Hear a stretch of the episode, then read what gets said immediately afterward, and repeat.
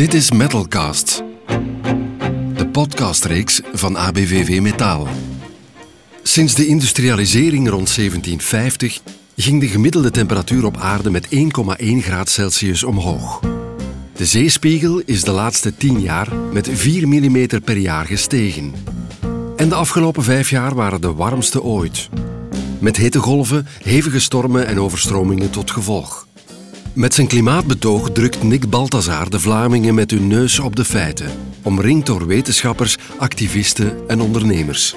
We zijn nu al naar de lijst beginnen lopen voor, voor wc-papier. Je wilt niet weten wat de gevechten gaan zijn voor de laatste fles water. We moeten drastisch minder energie verbruiken, moeten af van de fossiele brandstoffen en gaan voor duurzame hernieuwbare energie.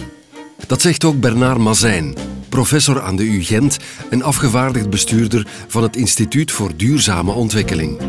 We moeten daarbij rekening houden met de duurzaamheid op milieu, sociaal en economisch vlak in de volledige levenscyclus van materialen, zo pleit hij. Ik zou zeker label duurzaam niet op een elektrische wagen plaatsen. De coronacrisis mag de voorbije maanden alles op zijn kop hebben gezet. De crisis is niets vergeleken met de klimaatverandering, zegt Nick Balthazar. Je kent misschien die cartoon, hij, zegt het bijna alles. En, je ziet zo'n klein golfje, corona, alleen een serieuze golf. Hè. Daarachter de iets grotere golf recessie, hè, die we dus nu nog moeten krijgen. En de gigantische golf die daar komt, is climate change. Waartegen dat corona een zomerkamp gaat lijken. Hè. Wat is het ergste dat gebeurt, is met corona dat we moesten thuisblijven.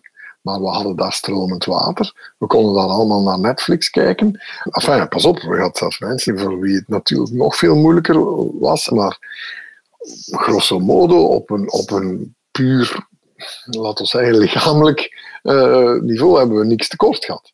Vergelijk dat met wat er op ons afkomt als er een zware klimaatramp komt, hè, met 3, 4 graden warmer. Ik wil u niet zeggen wat er gebeurt als er plotseling geen water meer uit de kraan komt. Hè. We zijn nu al naar de lijst beginnen lopen voor, voor wc-papier. Je wilt niet weten wat de gevechten gaan zijn voor de laatste fles water.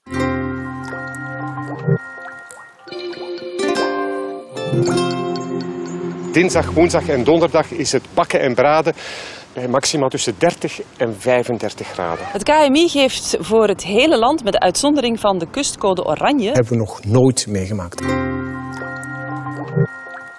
En dus was de oplossing, ja, we moeten naar een samenleving die more resilient wordt. Ja, eigenlijk resistent is niet juist, het is schokresistent. Een, een samenleving die dit soort schokken kan binnenpakken, omdat ze sowieso op ons af zullen komen, zonder in zijn fundamenten eigenlijk te, te breken.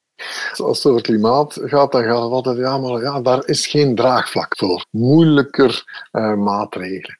Ja, moeilijker maatregelen dan aan iedereen zeggen, blijf in je kot, bestaan er eigenlijk niet. En toch heb je gezien dat mensen dat deden. Waarom? Omdat men dat draagvlak heeft gecreëerd. En hoe heeft men dat gecreëerd? Door ja, experts aan het woord te laten, hoe aan iedereen uit te leggen hoe is dit gekomen, wat moeten we nu doen om het te overwinnen en wat zal de beloning zijn als we dat doen. En als je mensen meeneemt in, in dat verhaal, dan, kan je, dan blijken ze inderdaad tot, tot veel in staat. En dat heeft corona ons geleerd. Hè. Als je er snel genoeg bij zet en je kunt hard genoeg maatregelen nemen en er staat geen idioot, uh, Bolsonaro of Trump of uh, Boris Johnson gewijs, te toeteren dat de economie het anders niet gaat overleven, dan heb je een kans. En het omgekeerde, ja, dat zien we ook. Hè. Uh, als je dat niet doet, de economie is ook de eerste die eraan aan gaat geloven. Hè. Het is een, een, cijfer dat Yuval Harari graag gebruikt en ik heb het niet persoonlijk nagerekend, uh, maar die man zal het, zal het ook niet uit, uit de lucht gegrepen hebben. Maar uh, hij zegt, we hebben tussen de 2 en de 3 procent nodig van ons BNP mondiaal om climate change op te lossen. 2 tot 3 procent van ons BNP. Dat is gigantisch, dat zijn miljarden, hè? dat zijn miljarden en miljarden. Maar als je ziet hoeveel miljarden dat we nu zijn aan het pompen, plotseling in het terug op gang brengen van een economie, ja, dan is dit de momenten om naar een ander soort uh, model te gaan. Want de tijd dringt. Als we niks doen, dan voorspellen de modellen dat de opwarming in België tussen 2,5 en 3 graden Celsius zal bedragen. En daar proberen we nu al zo lang voor te waarschuwen. Als plotseling je runaway global warming krijgt, waarbij eigenlijk het uit onze handen is, waarbij dat um, de aarde als het ware zichzelf begint uh, op te warmen. Dus wij zijn in een bol ergens tot op een tipping point aan het duwen, waar dan, als die erover knalt, ja, de, de situatie weg. Het is een harde vergelijking, maar helaas zie ik niet waar, waar dat ze fout zou zijn. Maar als je een kind hebt en de dokters zeggen, ja, helaas, mevrouw, meneer, of meneer, meneer, um, mevrouw, mevrouw, uh, uw, uw kind is heel erg ziek, maar het goede is, die kanker is nog niet uitgezaaid. Dus wij hebben nog heel veel dingen dat we nu kunnen doen. We moeten er alleen heel erg direct aan beginnen. Welke ouders zeggen dan, ja maar dokter, wat gaat dat kosten eigenlijk? En uh, we waren eigenlijk van plan om nog uh, even naar Ibiza gaan, te gaan deze zomer. Ja, ik denk dat dat toch uh, onze levenskwaliteit in de weg gaat staan. Kunnen we dan niet binnen twee maanden die operatie doen of zo? Elke moeder en vader gaat zeggen, nu direct begint eraan, whatever it takes. En ja, is de vergelijking correct? Het gaat niet over één kind, het gaat over al onze kinderen. Hoe stoppen we de klimaatopwarming?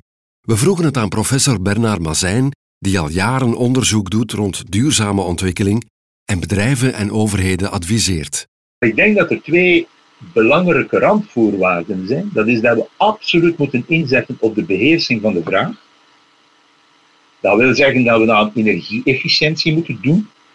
En we hebben daar al stappen gezet, maar onvoldoende. En dan krijg je verduurzaming van het aanbod. En inderdaad, dan ga je in de richting van hernieuwbare energie.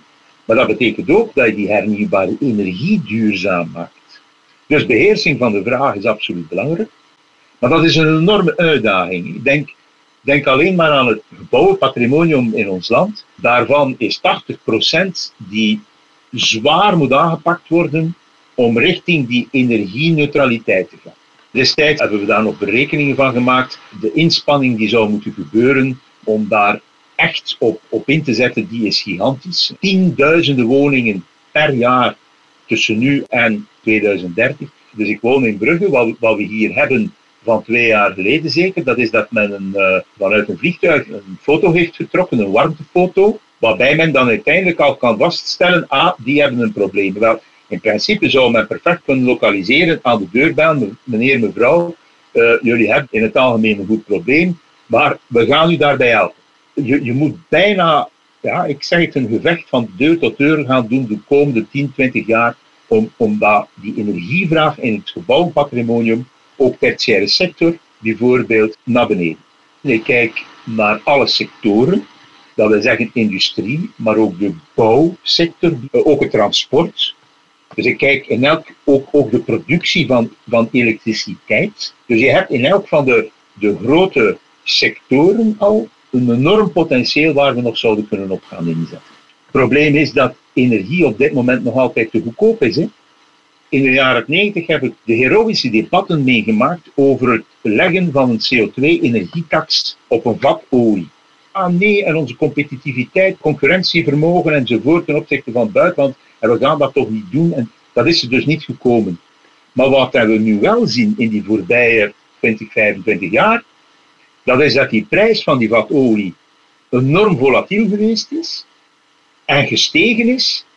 En dat we dus de, ik geloof dat dat toen 10 dollar per barrel was, dat we naar voren schoven, dat we op dit moment aan het wegdragen zijn naar de olieshakes. Hè.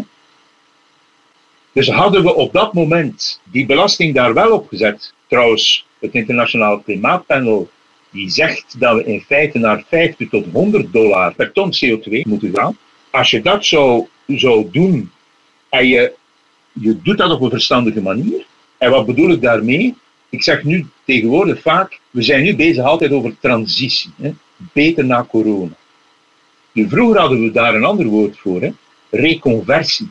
Daar had je op dat moment ook het idee, oké, als je sectoren moet omwille van de energieintensiteit of omwille van andere redenen, als je daar moet reconversie doorvoeren, dan moet je dat geleidelijk aandoen. Dan kun je die eventueel helpen financieel als ze die stap zetten om dat te doen, uitdovend, over tien jaar. Maar dat is dan wel de vereiste. En dat, dat zijn dan middelen die je hier in eigen land houdt, in plaats van ze naar de oliesheiks te dragen, wat we, wat we de voorbije tientallen jaren hebben gedaan. Ook Nick Balthazar pleit voor zo'n klimaattax. We hebben maar drie dingen nodig. Hè. Dat, is, dat is een klimaattax, hè, een CO2-tax, een klimaatfonds, waar al dat geld terechtkomt om al die goede oplossingen te gaan insteken. En dan een, klimaatbank, om te maken dat die korte termijn speculatie die zoveel mensen, hè, uh, arbeiders en mee, telkens weer als weg te gooien materiaal gebruikt, als, uh, die zelfs speculeert op het kapot laten gaan van economieën, omdat het in de short term die ene procent superrijken nog rijker gaat ga maken. Daar moeten we vanaf. En, en dan klimaatwetten, om, om, dat, om dat in beleid te zetten dat, dat niet afhangt van deze regering wel en de volgende regering niet. En dat, dat heeft gemaakt in de UK bijvoorbeeld, wie daar ook aan de macht is, die moet blijven op een pad van CO2-reductie gaan, omdat dat in de wet staat. Dat zijn drie dingen die we nodig hebben. Maar er is nog een extra uitdaging. Want met de toenemende wereldbevolking, verstedelijking en koopkracht woedt er wereldwijd een oorlog om grondstoffen en hectare. Zo legt Bernard Mazijn uit een war on metals. Het heeft niks te maken met uh, hard rock of metal rock of whatever. Maar uh, met een oorlog om grondstoffen die wereldwijd bezig is. En oorlog heeft vele gezichten. Dat kan rechtstreekse oorlog zijn, zoals dat in Mali gebeurt. En wij sturen ons leger uit naar Mali, zogezegd omwille van het jihadisme. Dat zal ook wel een rol spelen. Maar laat ons niet vergeten dat we samen met de Fransen de bevoorradingsketens van de, de grondstoffen uit Mali daarmee ook veiligstellen. Je kunt gaan speculeren op grondstoffen, je kunt daar heel veel geld mee verdienen. Je krijgt geopolitiek. China en Indonesië bijvoorbeeld hebben in 2011, 2012 hun grenzen gesloten voor de export. En het is pas in ruil voor contracten waarbij ze zich konden inkopen in westerse bedrijven, dat ze de grenzen weer zijn gaan openen. Over alle grondstoffen heen zie je dus een oorlog met veel gezichten die zich aan het afspelen is. Er is ook een oorlog bezig om hectares in de wereld op dit moment. Om maar een voorbeeld te geven, landen uit het Midden-Oosten die kopen hectares op, bijvoorbeeld in Noord-Amerika, om veevoeder te maken, te transporteren naar het Midden-Oosten waar het te warm is en, en woestijn enzovoort, maar waar ze wel met hun olie uh, uh, gekoelde stallen kunnen hebben waar ze dat veevoeder nodig hebben voor hun beest food or oil, dat is iets die, die, die heel bekend is. Dat is ook een argument waarop ik zeg, op dit moment heeft Europa reeds een zeer grote voetafdruk. En ik spreek nog niet over ecologische voetafdruk, maar voetafdruk in verband met het gebruiken van hectares buiten Europa om in eigen consumptie te voorzien. Sowieso. En dat heeft te maken met uh, veeteelt bijvoorbeeld, maar dat heeft ook met andere voeding enzovoort te maken.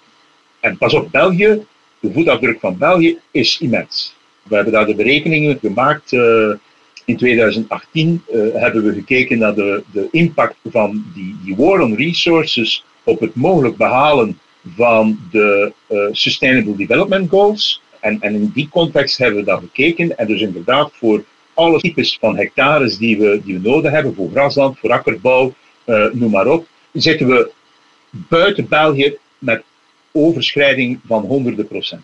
Om in ons eigen productie- en consumptiepatroon te kunnen voldoen.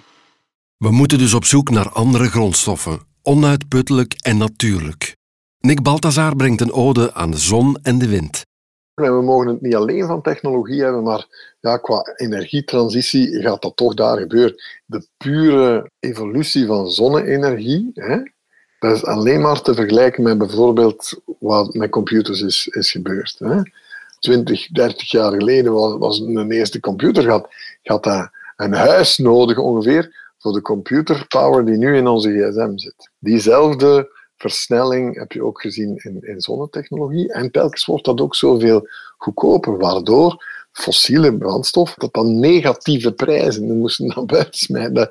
De, de, waanzin daarvan is niet meer te tellen. Dat, dat model is ten einde. We moeten daarmee stoppen en we zullen daar ook mee stoppen. Dat is, dat is een, een hoopvol gegeven. En in ons land bijvoorbeeld, als je gewoon nog maar kijkt naar de groei van, van windmolens op zee, hè, wat de beste plek is om een windmolen te zetten eigenlijk. Ja, waarom heeft het zo lang geduurd? Eh, omdat zo gezegd, ging zo lelijk zijn. Hè? Het zegt zegt aan, aan die prachtige architecturale parel van onze kust. Oh, die windmolentjes hingen daar staan.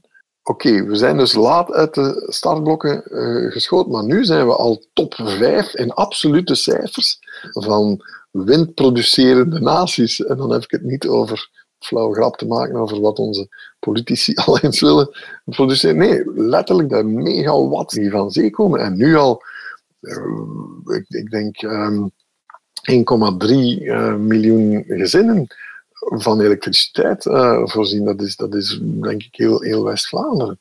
Um, en dat groeit in een van die gigantische kastaars van, van windmolens. Als we willen praten over jobs, jobs, jobs, hè, dat zijn duurzame jobs in, in toekomstgerichte sectoren waar dat we sterk in zijn. We zijn een, een, land met heel veel slimme mensen. We zijn dat nu aan het exporteren naar de hele wereld, die, die technologie. We waren in de richting aan het gaan dat, dat er te veel energie was, omdat er te veel windenergie was, te veel zonne-energie. Als dat morgen ons probleem wordt, dat we te veel energie hebben, savak is nog, hè? Er is gigantisch veel armoede in de hele wereld. Energie is een beetje eigenlijk toch gelijk aan geld. Is gelijk aan het oplossen van, van veel problemen.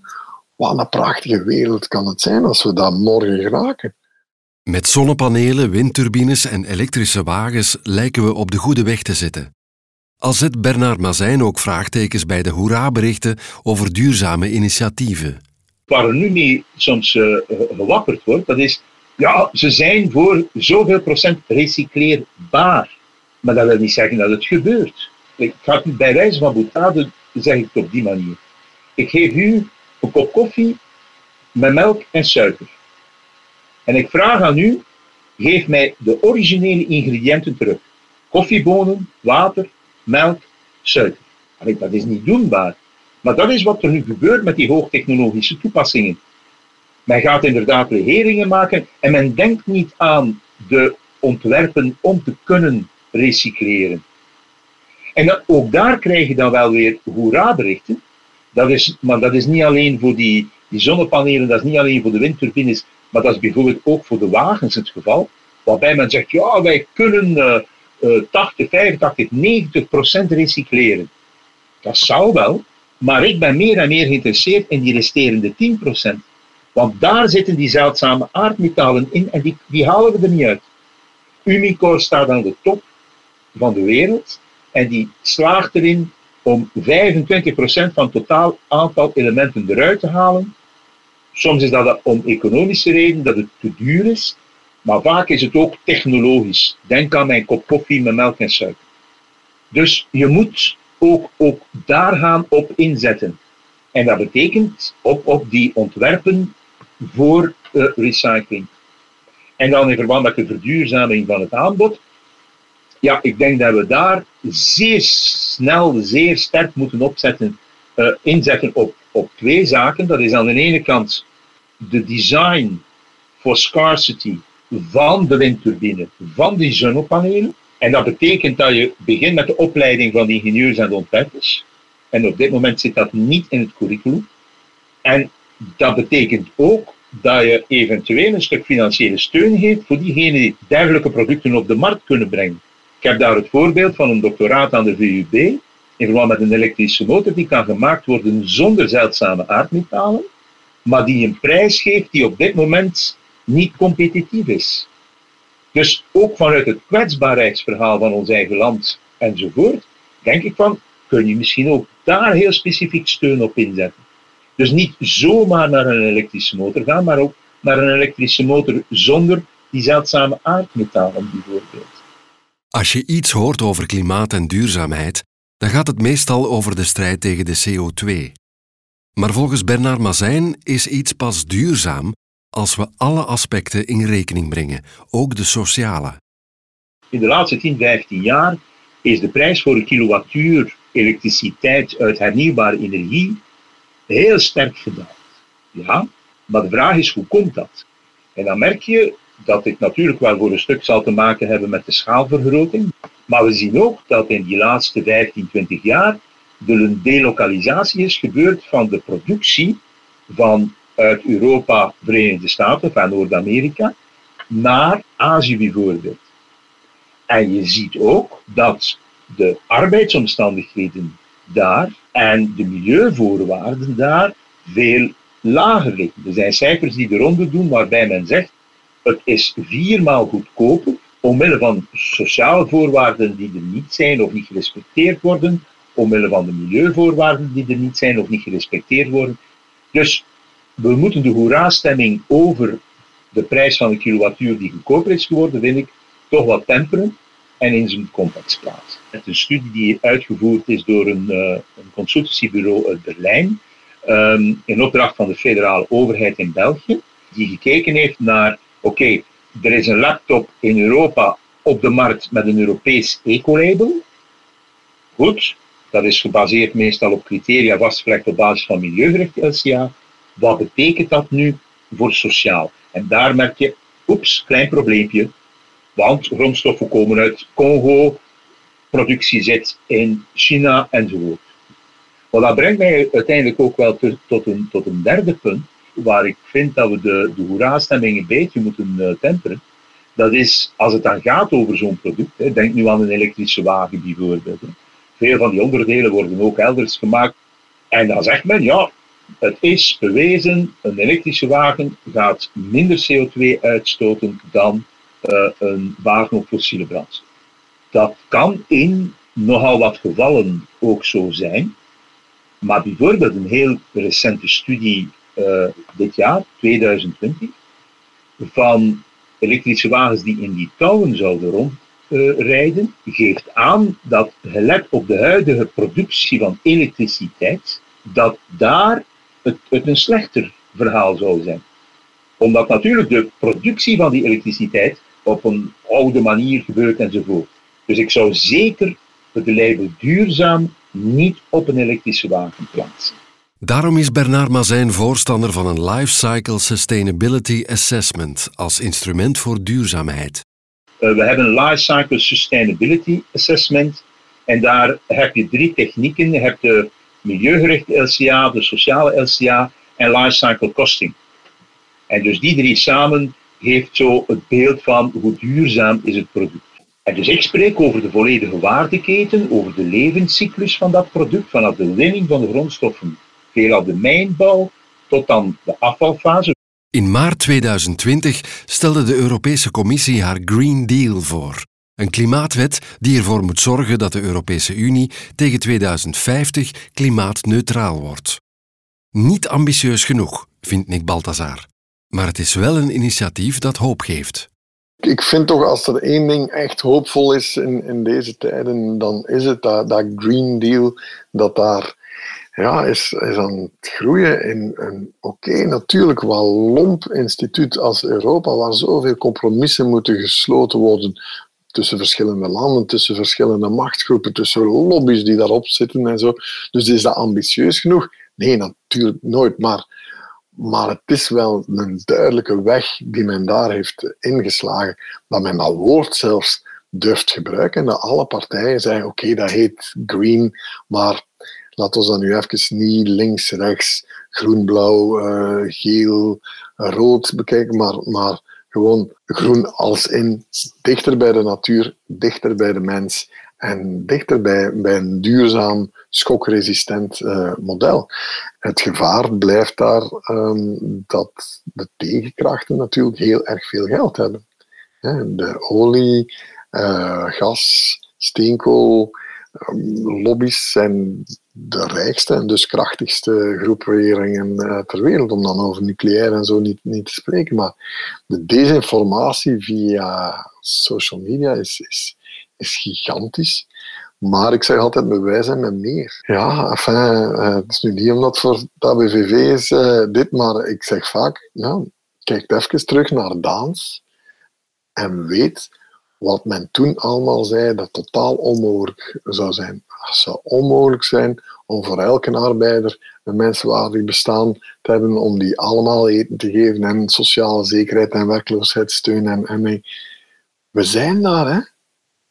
Op minder dan een eeuw heeft, heeft het socialisme en heeft de, de sociale beweging dat voor elkaar gekregen. Hè.